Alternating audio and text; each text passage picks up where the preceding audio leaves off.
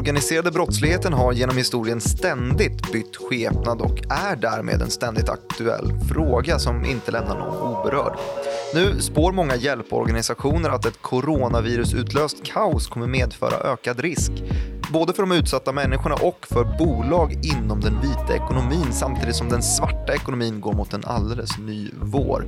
Det här är Follow the Money, en podcast om börsen, om storfinans och om lite politik sådär. Och idag ska vi snacka om maffians infiltration av den moderna ekonomin och om den grövsta organiserade brottsligheten som finns.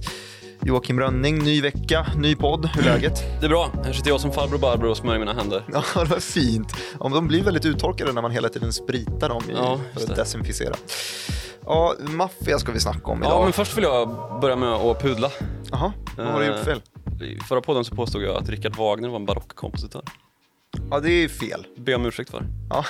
Han är en roman romantikkompositör. Om ni accepterar Joakim Rönnings eh, ursäkt så kan ni ju mejla in den på followthemoney.direkt.se. Ja, det är då efter ett uh, lyssnar... Uh, pålaga. Ja, okej. Ja, tar, men, tar vi tacksamt emot och rättar oss. ja, skönt. Eh, ja, den där har gjort jag mig kunde- sömnlöst barock. Ja, Ja, jag svårt. inte- barockt. Jag vet inte hur jag fick till det. Vi fortsätter istället med Mm. dagens avsnitt. Ja. Eh, maffia, eh, organiserad brottslighet eh, och ett, ett coronavirusutlöst kaos. Slaveri. Slaveri. Hur hänger det här ihop egentligen? Hur ska vi få ihop det och vilken ände ska vi börja tycka? Ja, Jag vet inte riktigt, det blir ju ett lite svårt avsnitt här. Mycket definitioner som kanske måste göras till Mm. att börja med. Ehm, för att definiera då vad vi egentligen pratar om. Och eh, vi kan väl börja med att titta på vad eh, folk kanske tänker på mest när man pratar om människohandel och slaveri.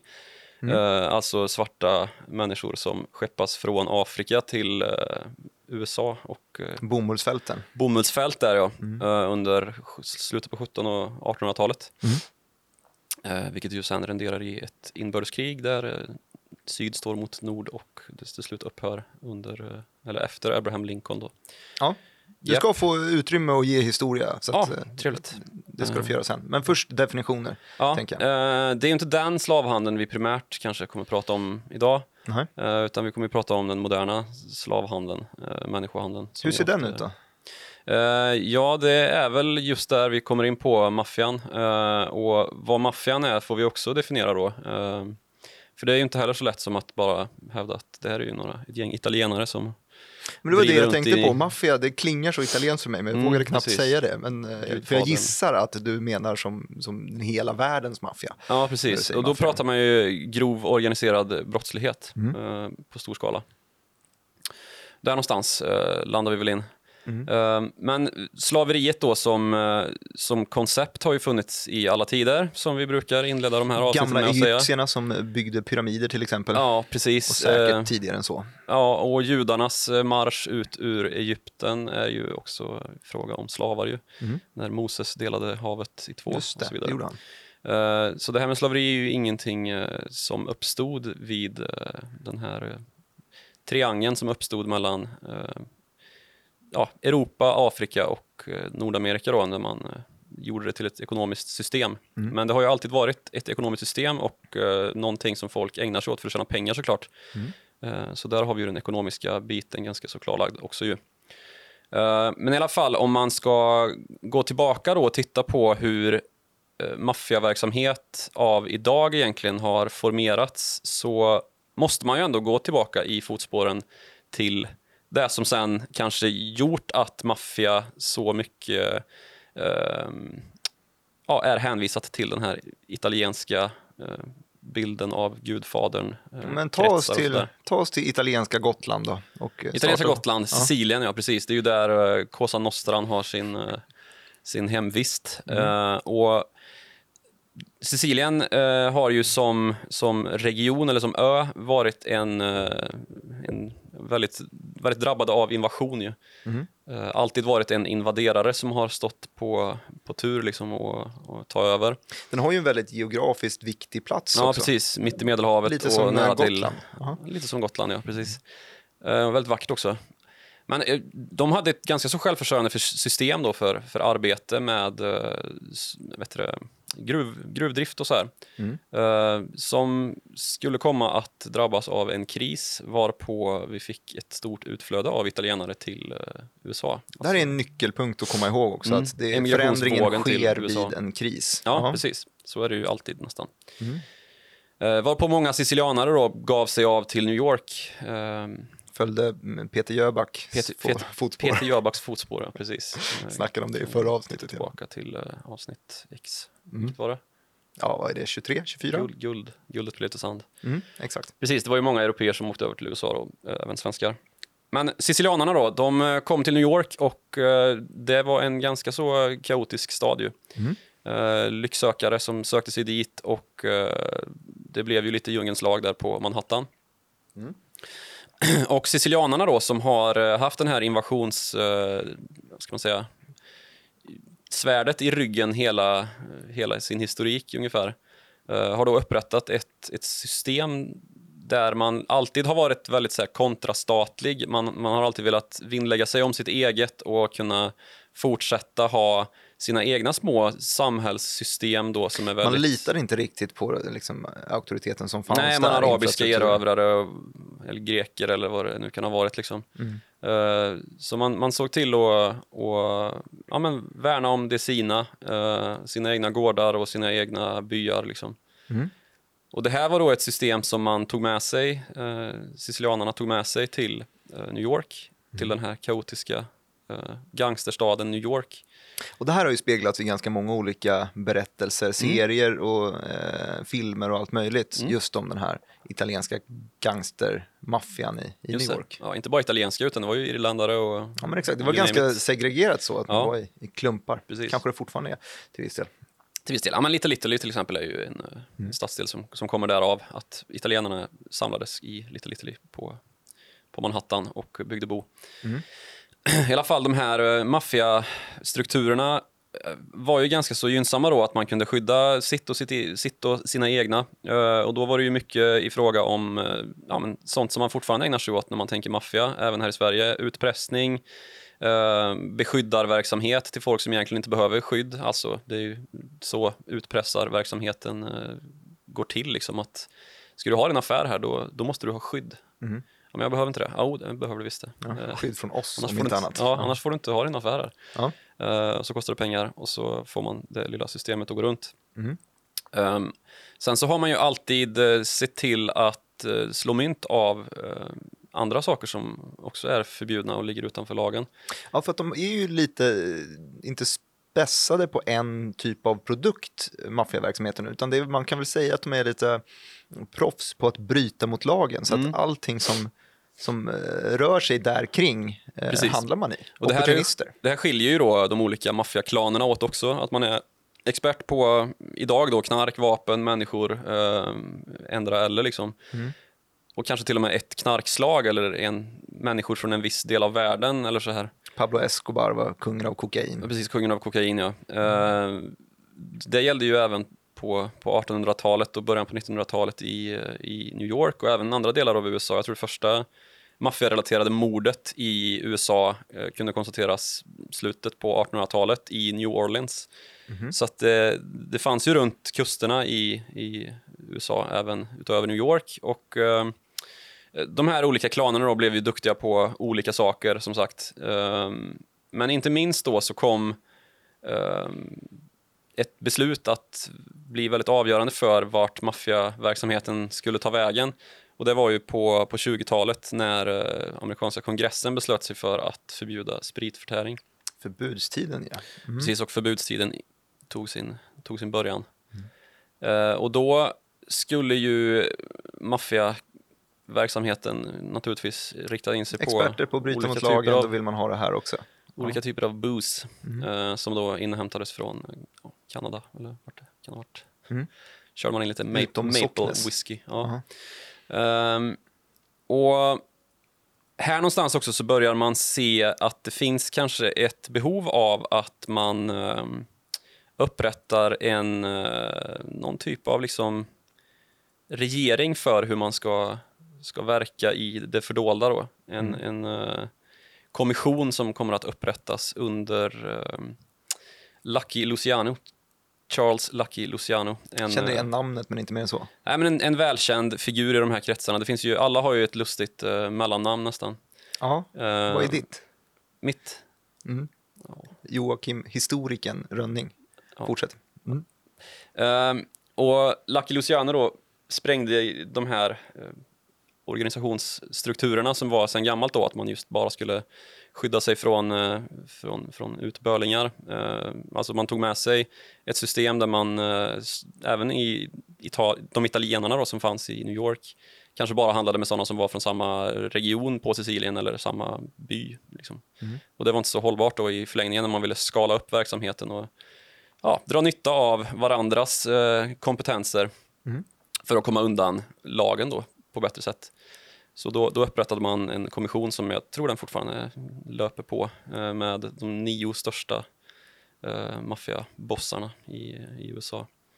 Där man då satte sig ner och gjorde upp lite som i ett medeltida rådslag, lite öga för öga, tand för tand, för det var inte så att det inte fanns konflikter där. Och det är någonting som man också försökt återge då i Mario Puzos Gudfadern, eh, denna trilogi. Denna trilogi. Ja, Eh, som jag tyvärr faktiskt inte har sett. Det här vet ju du också, så att du sitter och väntar in här. Jag var tvungen att säga det. du kan Ja, se de två första i alla fall, för de är väldigt bra. Okej, trean kan jag skippa. Ja, men jag, jag tänkte ju att jag ska se den, det har bara inte blivit av. eh, Av någon anledning. Ja. Jag har kollat på Trading Direct istället. Okej. Eh, fortsätt du. Jag har inte sett Star Wars. Så då, så då är vi lika efterblivna. Ja, det har Ja, okej. ja. ja, men i alla fall. Um, Maffia har ju inte heller alltid varit bara eh, en kriminalitetsivrare utan också nyttjats eh, av just den samma stat som man försöker eh, undkomma. Då. Ehm, och här har vi lite grann av nyckeln till nästa steg då i den eh, organiserade kriminella världen eh, globalt. För under... ehm, det kom ju ett andra världskrig där. Eh, Just det, det där 40-talet. kända mellan 39 och 45. Just det. Eh, varav USA blev involverat lite senare än, eh, än Europa. Eh, genom Pearl Harbor då. eh, när japanerna, Kamikaze bombade. Ja. ja det var nog lite senare. Aha, eh, De bombade i alla fall. Ja. De, de hade ju väldigt bra koll på, på hamnen där i, i, i, på Hawaii. Mm. Eh, där jag har varit faktiskt. Har du det? Pearl Harbor. Fick du det sagt också? Kul. Yes. Ehm, och då började amerikanerna dra öronen åt sig. Hur kan våra fiender ha så jävligt bra koll på våra sådana här viktiga militärhamnar? Alltså eh, där vi har våra stora eh, det, hangarfartyg liggandes i förankar. Och det är ju rätt bra tillgångar när man ska gå till krig i andra världskrig. Ehm, så då började man ju titta på vad, vad har vi mer för sårbarheter på kanske på andra kusten? För det här, Hawaii ligger utanför västkusten. Eh, och där har vi dels en massa italienare och så har vi en massa ja, motsvarande hangarfartyg som ligger förankar i New York och som sagt New Orleans och runt Floridas kuster och så här. Ehm, och då kom ju de här maffiaorganisationerna ganska väl till pass då eh, eftersom att Italien var ju faktiskt en del av axelmakterna. Så då använder man sig av den nämnde Lucky Lucianos eh, makt då för att infiltrera italienarna i hamnen där och röka ut spioner, eh, italienska spioner Aha, i vad som kommer att kallas för eh, Operation Underworld. mäktigt. Ja, Ändå. Så då mäktig använder de sig av eh, lite av den etablerade Mm. maffians kontakter som hade blivit lite mer internationell. Man hade kla- såklart kvar banden Mm. till Sicilien, I guess. Eh, och så kunde man ta sig in och, Mm. och strypa axelmakten den vägen. Precis, eller i alla fall skydda sig från den. Eh, och sen så har vi ju nästa steg då i den här eh, internationalisering som kommer att bli då av maffian. Som då var när man nyttjade Genovese-familjen på motsvarande sätt då för att infiltrera Sicilien. För Sicilien var ju eh, ingångspunkten för invasionen av Europa när de allierade återtog Europa så småningom. Ehm, och för att genomföra det här då så sonderade man med hjälp av maffian på hemmaplan där i, eh, Eh, i, på Sicilien innan landstigningen. Ehm, och fick ju därigenom en ganska så enkel motståndare att tas med. Och därefter så, så, så var ju invasionen åtminstone inledd från tre håll då i och med att eh, dels hade du eh, landstigningen i Normandie och så Sicilien och så ryssarna då från öst. Så man kunde kväsa tysken och eh, italienaren och eh, ja, det övriga Och fascistiska sen Europa. avsluta kriget så småningom. Precis. Eh, behändigt. Och det här, den kommer att kallas för Operation Husky och eh, de här två operationerna är ju inte några som har eh, gått under radarn eh, in i modern tid utan det är ju ganska så omtvistat om man verkligen ska kunna göra så här. Ehm, men i alla fall, där någonstans så upptäckte ju maffia, eh, de här maffiabossarna som då eh, i huvudsak fanns i USA att eh, det kanske är rätt smart att vara internationell och knyta kontakter med organisationer även utanför USA och Italien. Så att den här internationaliseringen, eller den här uppluckringen av maffiastrukturerna kom att bli ehm, ja, men ytterligare Det ett var deras steg. globalisering som triggades igång Ja, precis. Där slog man, kris i samband med ett krig. precis. Eh, där, där slog man ner ytterligare en eh, barriär då och började bli, handla internationellt helt enkelt med eh, kontraband. Så nu har vi gått från någon form av, eh, någon form av definition, eh, historia från eh, ända bak till egyptierna och du har eh, gått igenom lite Italien och, och eh, italienska Gotland. Hur de... Nu Eh, har du sagt italienska Gotland tre gånger. vill du ha en fjärde? Jag, jag kan fixa in det någonstans inom de närmsta eh, 15 minuterna. Eh, vi har snackat om eh, USA eh, och eh, hur den här maffian har blivit global. Hur ska du koppla det här till, till börsen? Ja, det blir väldigt svamligt här. Men eh, i alla fall, jag, det jag vill komma fram till är väl liksom att det kan låta som att maffian är väldigt organiserad och även i min svamliga dialog här, så, eller monolog, så, Ja, mycket monolog. Så verkar det ju som att inflikande italienska Gotland lite då. Ja, så verkar det ju som att ja, men maffian, de ju, det verkar väldigt strukturerat så här. Ehm, men ju mer internationell den har blivit och gått från det här uh, Al Capone-tillvaron i, i USA på 20-30-talet så är det ju idag när man pratar om maffia ehm, all kriminalitet egentligen som är organiserad. Och den organiserade kriminaliteten är ju inte ens den något annat än desorganiserad. I det stora hela. Liksom. Det kan vara aktörer som är organiserade, men i det stora hela så är nätverket inte så organiserat som, som det kan låta då när man pratar om eh, organiserad brottslighet eller maffia. Eh, det här är ju aktörer som, som verkar i det fördolda och som eh, inte nödvändigtvis har jättebra kontakt med det hela det övriga nätverket. Det finns ju liksom små aktörer här också som, som bedriver människohandel och knarkhandel och eh, organhandel och ja, you name it. Och det är de som nu ska mötas av en ny vår, de aktörerna, Ja, enligt det- de här eh, hjälporganisationerna Ja, som bland det annat finns det ju flaggar. flera hjälporganisationer då, som har flaggat för att eh, ehm, människohandel, just eh, offer för människohandel, eh, kommer öka både i antal och i utsatthet. Mm. Eh, vad det lider nu med det kaos som har brutit ut eh, i kölvattnet av den typen av, eh, av kaos som bryter ut har vi ju sett efter i princip varenda, varenda gång det har varit en lokal kris någonstans. Tänk typ eh, arabiska våren, tänk eh, Mm. Libyen, eh, strax därefter, tänk kriget i Syrien, ser man flyktingvågar efter det. Men väldigt lokala därefter var det ju. Nu har vi ju en kris som slår mot världen som är extremt global. Det har aldrig varit, funnits någonting som har varit så pass gränsöverskridande som det här är. Nej, precis. Eh, och då får man också se ett, eh, ett kaos som är mycket mer globalt på något sätt. Mm. Men som alltid när människor tappar jobbet, människors eh, ekonomiska situationer vänds upp och ner, som det ju gör i eh, en coronakris som det här, eh, så blir ju nöden på något sätt en, en uppfinningens lag eh, än en gång. Och man, risken ökar att man tar sådana beslut som kan leda till, till typ människohandel. Ja, precis. Och alltså antalet människor som eh, är i behov, är liksom i nöd och behöver eh, eller som blir mottagliga för den här typen av eh, knep då som människohandlare använder sig av.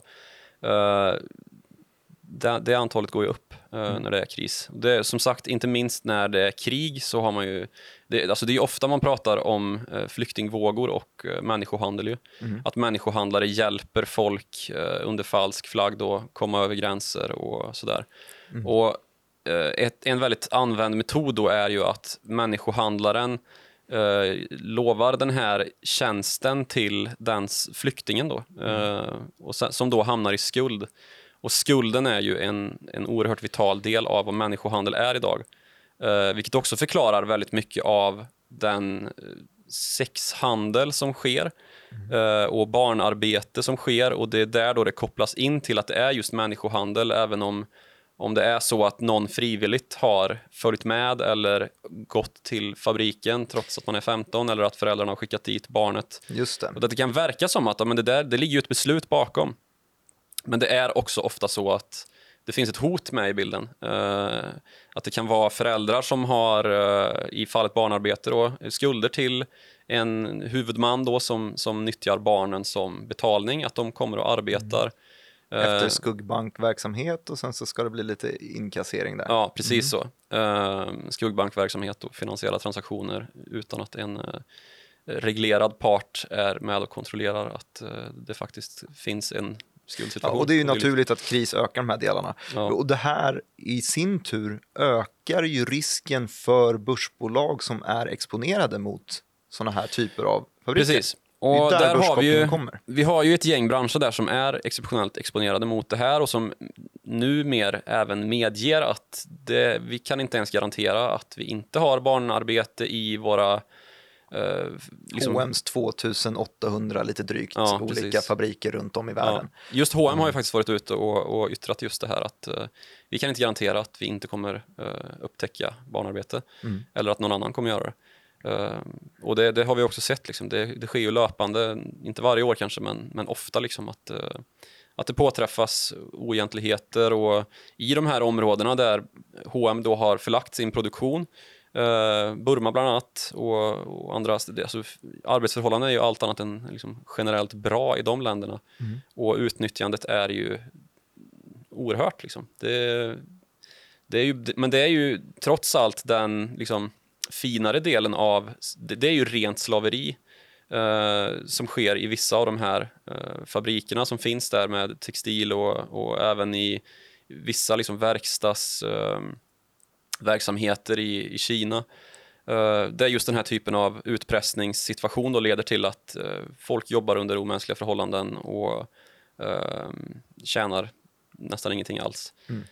Men överlever. Men det är överlever, det ja, som är precis. nyckeln här, Ja. man, man gör det för att överleva. Eh, Så man får ju separera då på den här typen av eh, slavlika förhållanden och det som är den allra fulaste delen då med ren människohandel, alltså ända ner på barnsexhandelnivå liksom, som ju finns och som sker med särskilt stor tonvikt i, från eh, länder som Kina och Vietnam då och eh, vidare till Östeuropa och upp i våra delar av världen. En skandal i Essex. Ja, skandal är väl att Skandal, ja, det var 40, 39 vietnameser som frös ihjäl i en, en långtradare som upptäcktes i Essex i slutet på förra året. Mm. Eller förra året var det. Så sånt sker i alla fall. Ja, Men det är ju precis. den allra grövsta, Ja. det är ju den, det är den mörkaste delen av människohandeln. Precis. Sen finns det de här gråzonerna just, Ja. där det är svårt att, att säga lite om det är medvetet och så vidare. Det finns ju, om vi släpper retailbranschen till exempel, där vi snackar att barnarbete kanske är det allra största Mm. hotet, så finns det ju eh, importerad arbetskraft, man använder sig av, av underleverantörer till Mm. underleverantörer till underleverantörer, snackar mycket byggbranschen Ja. till exempel. Så är det eh, flera olika, i det här fallet också skandaler, där det uppdagats att ah, men de här får ju långt under vad som skulle vara normal svensk lön för att bygga eh, Mall of Scandinavia till exempel. Ja, eller, just det. Mall of Scandinavia var en, en eh, stor skandal som... eh, Det var Peab som... eh, Ja, precis. som Jag tror det var Uppdrag granskning som var där och uh, fann hyfsat uh, slavlika arbetsförhållanden med eh, arbetare som uh, kände sig nödgade att ta amfetamin för att palla med 48 timmars arbetspass och dylikt. Ja, men exakt, och då går det, det är ju inte så att eh, Peab i sig har sagt att ja, men det där är nice. Det står inte på offerten. Nej, det står inte på offerten, utan det är en underleverantör till en underleverantör Ja. till en underleverantör som på något sätt har fått in det här. Och risken för just den typen av förfaranden ökar i desperationer efter kriser. Mm. Och det är det som nu är i spåren efter Ja. en coronakris då, helt enkelt. Precis. Eh, och och det, den typen av arbetskraft då, som vi sa kommer ju att öka också. Alltså möjligheten för sådana oseriösa aktörer, eller vad, vad man ska kalla det, den, eh, de aktörerna som utgör den här grå ekonomin, där den vita ekonomin, alltså den, den eh, lagliga ekonomin, gifts ihop med den svarta ekonomin, där man inte är så noga med bokföring och, och redovisa skatt och så vidare, utan mm. ja, men där det är lättare att utnyttja människor eh, under slavlika förhållanden. Någonstans så möts ju de här ekonomierna i, i en grå sörja, liksom. och där har vi ju den, den eh, brytpunkten Riskzon. eller den mötespunkten. Och det finns två stycken del, det finns både utbud och efterfrågan här tänker jag. Ja. Dels utbudssidan då, att människohandeln har ökat. Det finns fler antal desperata människor. Det finns också fler större antal desperata bolag. Mm. Bolag som är på bristningsgränsen där man kanske väljer att inte göra sin due diligence till 100% den här gången utan nöjer sig med 99% efterforskning på bolaget man anställer som erbjuder så pass goda förhållanden att man så pass billiga grejer helt enkelt. Man mm. måste göra det för att bolaget ska överleva. Man, man tvingas till att, eller tvingas till, man puttas till att ta de här ja, lite mer tveksamma besluten när det skiter sig. Och det är ja. ju rimligt eh, att det, det sker på något sätt. Mm. Den svarta handeln i marknaden är där och petar helt ja. enkelt. Eh, det blir väldigt behändigt. Men sen så har vi också eh, olika typer av eh, hyfsat, eh, ja, vad ska man säga, godtagna eh, affärssätt liksom, som särskilt lyxbolagen är, eh, gör sig skyldiga till eh, även i våra dagar. Mm. Nere i just Italien, eh, maffians hemland. Mm. Eh, där, eh, om, om man vill läsa mer om italiensk maffia och den här enorma svarta ekonomin och europeiska piratkopior, hur det uppkommer, mm. så tycker jag man ska läsa Gomorra, eh, en bok av Roberto Saviano för ett tiotal år sedan. Släpptes den. Och han eh, försöker då eh, blottlägga den maffia som är hemmahörande i hans eh, egen hemregion, mm. Kampanien, där som eh, Neapel är beläget, bland annat. Um, och då hur de italienska och franska modehusen åker ner dit och uh, genomför omvända auktionsförfaranden då, där man lägger ut en jättestor beställning på eh, klänningar, kanske 10 000 klänningar, mm. när man egentligen bara behöver 1000 klänningar för sin egen... Eh, ja, det som ska ut i affär är 1000 klänningar. Mm. Uh, och I de här kontrakten som man delar ut då till olika såna små manufakterier där det sitter uh, ja, rätt mycket människohandlade, importerad arbetskraft, ja, mm. importerad arbetskraft ja, som inte tjänar så mycket. Mm. Uh, de får då en massa små beställningar så att det fyller upp till de här 10 000 trots att klädhuset eller modehuset bara behöver 1000 av dem. Då. Mm. Uh, och I de här kontrakten så ingår inte uh, uh, rätten att sälja din produktion, alltså de här klänningarna som, som då faktiskt produceras. Så det blir 9000 klänningar över? Det blir 9000 över. klänningar över, ja precis. och de här klänningarna då, eh, som inte kanske har uppfyllt eh, kvalitetskrav fullt ut till Christian Dior eller Louis Vuitton eller vilka det nu är. Eh, eller inte har producerat tillräckligt snabbt eller ja, mm. tillräckligt billigt det, de hamnar ju då på den svarta marknaden. Ja, det här faktiskt beskriver den här gåtan som annars är. Mm. All annan typ av produktion i Europa, nä, nästan all den typen av produktion har ju mm. förflyttats till de billigare länderna. Alltså, som du säger, H&M har, har fabriker i Burma till exempel. Mm. Väldigt mycket stor, väldigt stor del av produktionen har förflyttats till, till andra delar av Asien och Kina framförallt i stora produktionen i världen egentligen. Ja. Förutom Italien som har kvar väldigt, väldigt stor del mm. av sin produktion Eh, och det, det, kanske finns lite svar på varför de har det. Eh, ja, precis. Det är ju då ett land boken. som består av egentligen en massa små eh, stadsstater i grund och botten. Mm. Lite som USA består av sina delstater eh, som ju har sitt eget styre på ett mycket liksom, större plan än vad vi har med våra län och kommuner och, och landskap. Liksom. Mm. Uh, Italien är ju egentligen en massa småländer uh, som inte sammanfördes förrän Garibaldi under typ 1800-talet. Och typ därefter så har de bytt regering var nionde månad eller sån sjuk statistik. Det. det. är inte så, inte så stabilt. Nej, det, de gillar inte, de gillar inte att, att ha uh, centralstyre kan man väl konstatera. Mm. Uh, och, och, då har det ju uppstått en, en väldigt stor grå ekonomi och här har vi också Eh, Eh, eller till och med svart ekonomi då, såklart. Eh, och här har vi också då ett problem nu under coronavirusets tidevarv eftersom att alla de här stimulanspaketen som delas ut och man pratar om helikopterpengar, eh, det är väl där någonstans man får landa då för att nå in i den svarta ekonomin. Exakt. Eftersom att de, den svarta ekonomin har ju liksom ingen uh, redovisad inkomst. De sitter inte fast i samma, samma nervsystem. Nej, man, sitter inte, man, sitter inte, man har liksom inte den här sociala skyddsnäts... Man har inte varken fallskärm eller skyddsnät. Liksom. Uh, utan hamnar bredvid. Och, och där har vi ju risk för en enorm utsatthet även i Europa i eh, de delar Jag tycker av... att det finns, om vi stannar kvar i Italien, för nu kommer jag att tänka på en, en spännande statistik också som kanske också kan, kan an, angränsa till det här fenomenet. Och det är just det att Eh, vi fick arbetslös, stati, arbetslöshetsstatistik från Italien ja, för det. det här, mm. typ tre veckor sedan. Eller något sånt där. Mm. Och alla väntade sig att oh, det här kommer ju se förfärligt ut. Vi vet ju hur illa det har varit, framförallt i Italien. Alla har suttit inne i åtta veckor. Liksom. Exakt. Och sen så visar det sig att arbetslösheten har gått ner. Ja. Man bara, vänta va?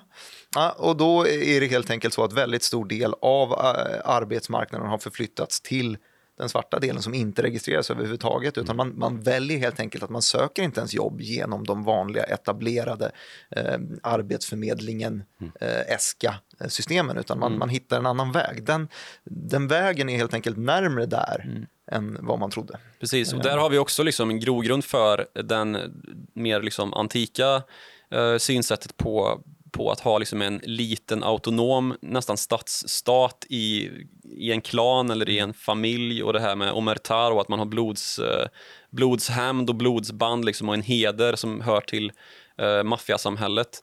Nu menar jag inte att hela Italien består av mafiosos, liksom, men, men eh, den här verksamheten då som, som har en eh, väldigt tydlig, eh, liksom stringent hållning till varandra och eh, som är vana vid att skydda varandra på ett sätt som ja, där staten inte lyckas. Mm. Det bidrar naturligtvis till att den typen av konstellationer får en högre attraktionskraft i tider av den här, ja, med såna här ja, men Jag tror att det är viktigt att, att trycka på i den här Dane, att det är det är helt enkelt så att allting kommer inte gå till människohandel, det kommer inte ta över världen, men de områdena, de branscherna som är i riskzonen, där har helt enkelt sannolikheten ökat och det är det vi kommer se nu helt enkelt. Att mm. Allt annat lika så kommer vi se fler skandaler mm. eh, framöver. Mm. Och då är det de här branscherna som är mest drabbade. Och där kan man ju dra en koppling själv. Vilka branscher är det man, som man ser och man kan tänka sig den här typen av eh, skandal växa fram hos. På svenska börsen så är det ju, det finns flest byggbolag, det finns väldigt många sådana och det finns väldigt mycket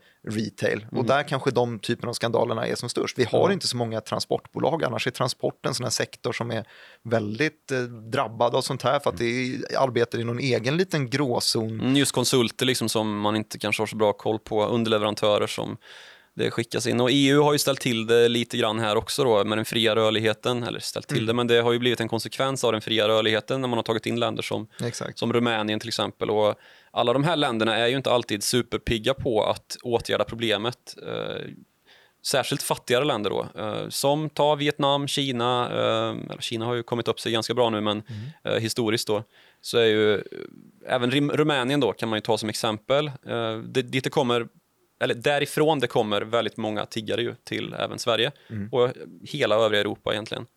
Uh, I Rumänien så är det ju tiggeriförbud och man har ju varit oerhört tydlig med att man är inte är intresserad av att förbättra villkoren för de här utfattiga romerna som, uh, som lever i armod där nere.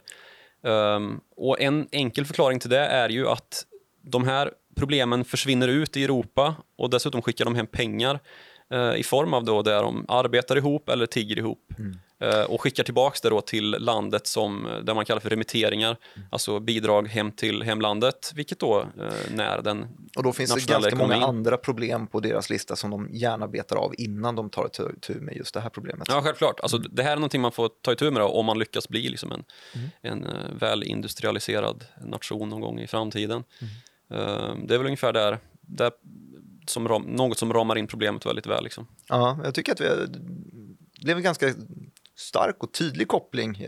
Vi var väldigt långt borta där i, i Italien och 1800-tal och vi snackade bomullsfält och allt möjligt. Men eh, kopplingen blev rätt stark ändå. Ja, Det men just att man får... eh, Förlåt, nu vill du avsluta. Jag vill bara förtydliga att liksom, eh, slaveriet är eh, lika gammalt som mänskligheten. Vi har ju ofta pratat om, ja, men är inte det här världens äldsta yrke?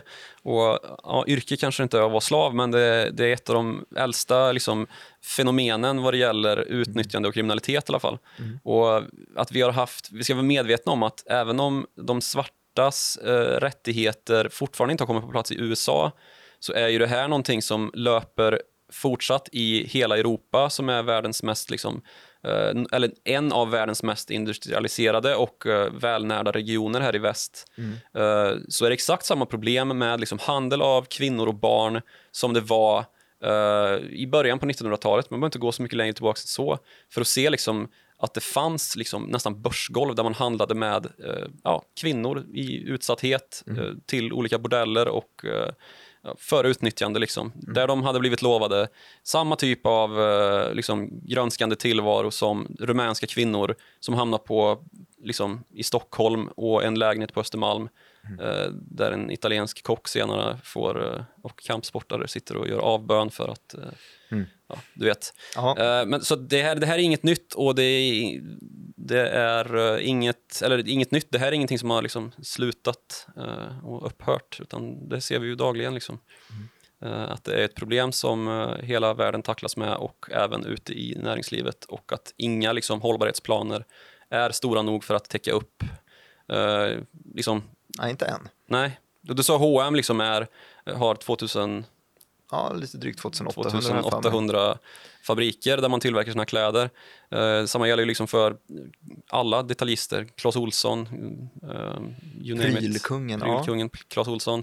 Och det, är, det är sån lång, stor leverantörskedja att ingen enskild eh, aktör kan, kan liksom fixa allt. Eh, men att det måste liksom till ett helt världssamfund för att få ordning på problemet. Och eh, det kommer vi ju kanske få eh, visst ökat varsel kring nu när coronan börjar visa sig, eh, eller effekterna av corona börjar visa sig. Exakt. Nu är jag klar.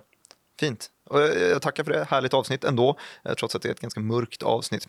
Eh, Jag nämnde followthemoney.direkt.se precis i inledningen av programmet. Den mejladressen finns fortfarande. Man kan skicka in nästan lite vad som helst där. Eh, Och så läser vi Gnälla det. kan man göra, Gnälla. som en del gör.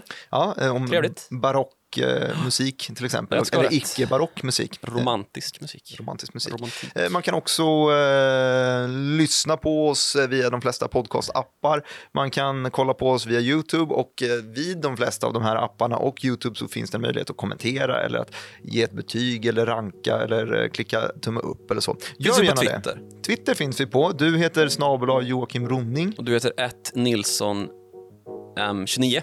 Ja, 29 var numret jag hade när jag spelade hockey också. Eh, tack så mycket för att ni hängde med och ha det jäkligt fint. Hej.